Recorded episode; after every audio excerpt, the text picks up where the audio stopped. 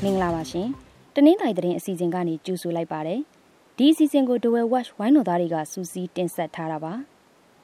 ဒီနေ့တင်ဆက်ပေးမယ့်သတင်းတွေကတော့စကိုင်းတိုင်းစစ်မြေပြင်မှာဒဝဲသားကိုချစ်ဝရံဖြူတယောက်ကြာဆုံးသွားတဲ့အကြောင်းကျွန်းစုမြို့နယ်မှာပြည်သူ့ကာကွယ်ရေးအဖွဲ့အမည်ကိုအသုံးပြုပြီးချင်းချောက်ငွေတောင်းခံတာတွေရှိတဲ့အကြောင်းတနင်္သာရီမြို့နယ်ဗန်လမော့ရွာအနီးမှာစစ်ကောင်စီတပ်ကမိုင်းဆွဲတိုက်ခိုက်ခံရတဲ့အခြေအနေ မိုင်းအန်တရဲ့ပညာပေးမိုဘိုင်း APP အကြောင်းလောင်းလုံးမြို့နယ်စခန်းကြီးရွာလေကျောင်းဆရာတော်ပြန်လုံတော်မူသွားတဲ့အကြောင်း TikTok အသုံးပြုတာကိုဩစတြေးလျနိုင်ငံမှာပိတ်ပင်ကန့်သတ်တဲ့အကြောင်းအလုံပိတ်ကားထဲမှာအသက်ရှူမဝအစာရည်စာပြက်လက်နေတဲ့ရိုဟင်ဂျာ90နီးပါးကိုထိုင်းနိုင်ငံတောင်ပိုင်းတနေရာမှာတွေ့ရှိခဲ့တဲ့အကြောင်းစတဲ့သတင်းတွေကိုနားဆင်ရမှာပါစ ကိုင်းတိုင်းစစ်မြေပြင်မှာဒဝဲသားကိုချစ်ဝရံဖြူတယောက်ကြာဆုံးသွားပါတယ်။ဒဝဲနိုင်ငံရေးအကျဉ်းသားဟောင်းလည်းဖြစ်တဲ့ကိုချစ်ဝရံဖြူဟာဧပြီလ၄ရက်ကမိုင်းပတော်တဆပောက်ကွဲပြီးကြာဆုံးသွားတာပါ။သူဟာဒဝဲမြို့ပြပျောက်ကြားတပိတ်တွေမှာတက်တက်ကြွကြွပါဝင်ခဲ့သူဖြစ်ပြီး2021ခုနှစ်မေလမှာအဖမ်းခံခဲ့ရပါတယ်။အသက်24နှစ်အရွယ်ကိုချစ်ဝရံဖြူကိုစစ်ကောင်စီကပုံမှန်3ခုနဲ့တရားစွဲခဲ့ပါတယ်။ထောင်6လကြာပြီးမှတော့ လွန်ငင်းချမ်းသာခွင့်နဲ့ပြန်လွတ်လာခဲ့ပြီးခင်ဦးမြို့အခြေစိုက်ပြည်သူ့ကာကွယ်ရေးအဖွဲ့တစ်ခုမှတာဝန်ထမ်းဆောင်နေခဲ့ပါတယ်။အဲ့နောက်ဘူနဂါရဲ့တက်ခွဲတစ်တစ်ခုမှပြောင်းလဲတာဝန်ထမ်းဆောင်ရင်းကမ်ဘလူမြို့နယ်ဇီးကုန်းနယ်မှာကြာဆုံးသွားခဲ့တာပါ။ကျွန်းစုမြို့နယ်ပြည်သူ့ကာကွယ်ရေးအဖွဲ့အမည်ကိုတုံးပြပြီးချင်းချောက်ငွေတောင်းခံတာတွေရှိလာနေပါတယ်။အမည်မသိအဖွဲ့တစ်ခုကကျွန်းစုမြို့နယ်ပြည်သူ့ကာကွယ်ရေးအဖွဲ့အမည်တုံးပြီးပြည်သူတွေစီဖုံးဆက်ချင်းချောက်ပြီးငွေကြေးတောင်းခံနေတာပါ။ ပြည်သူတွေစီချင်းချောက်ငွေကြေးတောင်းခံနေတာတွေရှိနေတယ်ဆိုတဲ့အကြောင်းကျွန်းစုပြည်သူ့ကာကွယ်ရေးအဖွဲ့က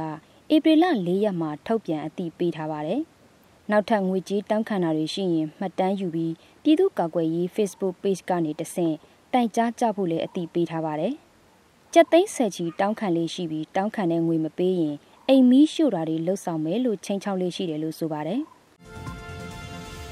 နင်္သာရီမြို့နယ်ဗန်လမော့ရွာအနီးမှာစစ်ကောင်စီတပ်ကားမိုင်းဆွဲတိုက်ခိုက်ခံခဲ့ရပါတယ်။စစ်ကောင်စီတပ်ဖွဲ့ဝင်များလိုက်ပါလာတဲ့ဆယ်ဘင်းကားကိုမြိတ်ပြည်သူ့ကာကွယ်ရေးပူးပေါင်းအဖွဲ့ကဧပြီလ၄ရက်ကမိုင်းဆွဲတိုက်ခိုက်ခဲ့တာပါ။ပြည်သူ့ကာကွယ်ရေးပူးပေါင်းအဖွဲ့ရဲ့ထုတ်ပြန်ချက်မှာတော့စစ်ကောင်စီတပ်ဖွဲ့ဝင်အနည်းဆုံး10ဦးထိခိုက်ဒဏ်ရာရခဲ့တယ်လို့ဆိုပါတယ်။ထိခိုက်ဒေဆုံးမှုအပေါ်တိကျအတည်မပြုနိုင်သေးပါဘူး။မိုင်းအန်တရဲ့ပညာပေးမိုဘိုင်း APP တခုအကြောင်းမိတ်ဆက်ပြောပြပါမယ်။ MER မြန်မာလို့ခေါ်တဲ့မိုင်းပညာပေး APP ကိုကုလသမဂ္ဂကလေးများရန်ပုံငွေအဖွဲ့ UNICEF မြန်မာကပြည်သူတွေစီထုတ်ပြန်ပေးထားပါတယ်။လူသက်မိုင်းရင်ဖြတ်မိုင်းလက်လုံမိုင်းတွေအကြောင်းနဲ့အဲ့ဒီမိုင်းတွေရဲ့အန်ဒီရရှိပုံဆောင်းရန်ရှောင်ရန်ချက်တွေကိုအဲ့ဒီ APP မှာနားဆင်နိုင်ပါတယ်။တရုတ်ဖော်ပုံတွေနဲ့ရုပ်တံအဖြစ်ဖန်တီးထားတာမို့အလွယ်တကူနားလည်နိုင်ပါတယ်။မြန်မာရှမ်းဂျိန်းဖောကရင်စကောကရင်တအန်း အင်္ဂလိပ်စတဲ့ဘာသာစကားတွေထဲကအဆင်ပြေတဲ့ဘာသာစကားတွေကိုရွေးချယ်ပြီးနားဆင်လို့လည်းရပါတယ်။တနင်္သာရီတိုင်းအပါအဝင်မြန်မာနိုင်ငံနေရာအနှံ့အပြားမှာလက်နက်ကင်စစ်ရေးပြိပခါတွေဆက်လက်မြင့်တက်နေဆဲဖြစ်တာကြောင့်မိုင်းနဲ့စစ်လက်နက်ပစ္စည်းတွေကြောင့်ပြည်သူတွေတေဆုံးတာကိုလက်အင်ကဆုံးရှုံးရတာတွေမကြာခဏဖြစ်ပွားနေပါတယ်။ဒါကြောင့်မိုင်းပညာပေး APP အကြောင်းကိုကိုယ့်ရဲ့ဖုန်းထဲထည့်သွင်းထားပြီးလေ့လာနိုင်ဖို့လမ်းညွှန်ပေးလိုက်ရတာပါ။ လောင်းလုံးမြို့နယ်စခန်းကြီးရွာလေကျောင်းဆရာတော်ဧပြီလ၄ရက်ကပြန်လွန်တော်မူသွားပါတယ်။စခန်းကြီးသူတမပဝါယနာခန်းရဲ့ဒုတိယဂိုင်းချုပ်ဆရာတော်ဖြစ်တဲ့ဗတ်တန္နစန္ဒာဝါယဟာပြန်လွန်တော်မူချိန်မှာတက်တော်85နှစ်ဝါတော်65ဝါရှိပြီဖြစ်ပါတယ်။လောင်းလုံးမှာတပတ်အတွင်းတက်တော်ရှိဆရာတော်နှစ်ပါးပြန်လွန်တော်မူခဲ့ပါတယ်။ပြီးခဲ့တဲ့ဧပြီလ၁ရက်ကလောင်းလုံးမြို့နယ်နခန်တော်ရွာလေကျောင်းဆရာတော်ဗတ်တန္ဒဦးဝါယမပြန်လွန်တော်မူပြီးနောက် လေးရက်ကြာမှစခန်းကြီးအနောက်ကျောင်းဆရာတော်ပြန်လွန်တော်မူခဲ့ပါတယ်။အဲဒီဆရာတော်ကြီးနှစ်ပါးစလုံးဟာစခန်းကြီးသုဓမာပဝါယနာဂိုင်းရဲ့ဒုတိယဂိုင်းချုပ်နဲ့အကျိုးတော်ဆောင်ဆရာတော်တွေပါ။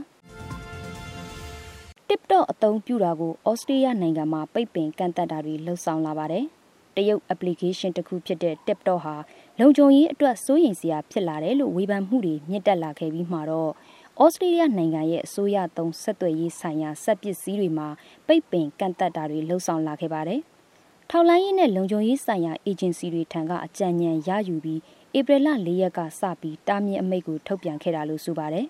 ။အမေရိကန်ဗြိတိန်ကနေဒါနယူးဇီလန်နိုင်ငံတို့အပါအဝင် အခြားနောက်နိုင်ငံတွေကလည်း TikTok အသုံးပြုတာကိုကန့်သတ်ပိတ်ပင်ထားကြပါတယ်။ အလုံးပိတ်ကားတဲ့အသက်ရှူမဝအစာရည်စာပြက်လက်နေတဲ့ရိုဟင်ဂျာ90နီးပါးကိုထိုင်းနိုင်ငံတောင်ပိုင်းတနေရာမှာတွေ့ရှိခဲ့ပါတယ်။အပူဒဏ်ကြောင့်အစာရည်စာငတ်ပြတ်ပြီးဒုက္ခရောက်နေကြတဲ့အဲဒီရိုဟင်ဂျာတွေကိုထိုင်းရဲတပ်ဖွဲ့ကဧပြီလ၄ရက်မှာတွေ့ရှိကယ်တင်နိုင်ခဲ့တာပါ။သူတို့တွေဟာမြန်မာနိုင်ငံရခိုင်ပြည်နယ်ရိုဟင်ဂျာဒုက္ခသည်စခန်းတွေကနေရောက်လာကြတာလို့ဆိုထားပါတယ်။ကားသမား၄ဦးကိုတော့နိုင်ငံသားတရားမဝင်တည်ဆောင်မှုနဲ့အရေးယူမယ်လို့ထိုင်းသတင်းတွေမှာဖော်ပြထားတဲ့အကြောင်းတင်ဆက်ပေးလိုက်ရပါတယ်ရှင်။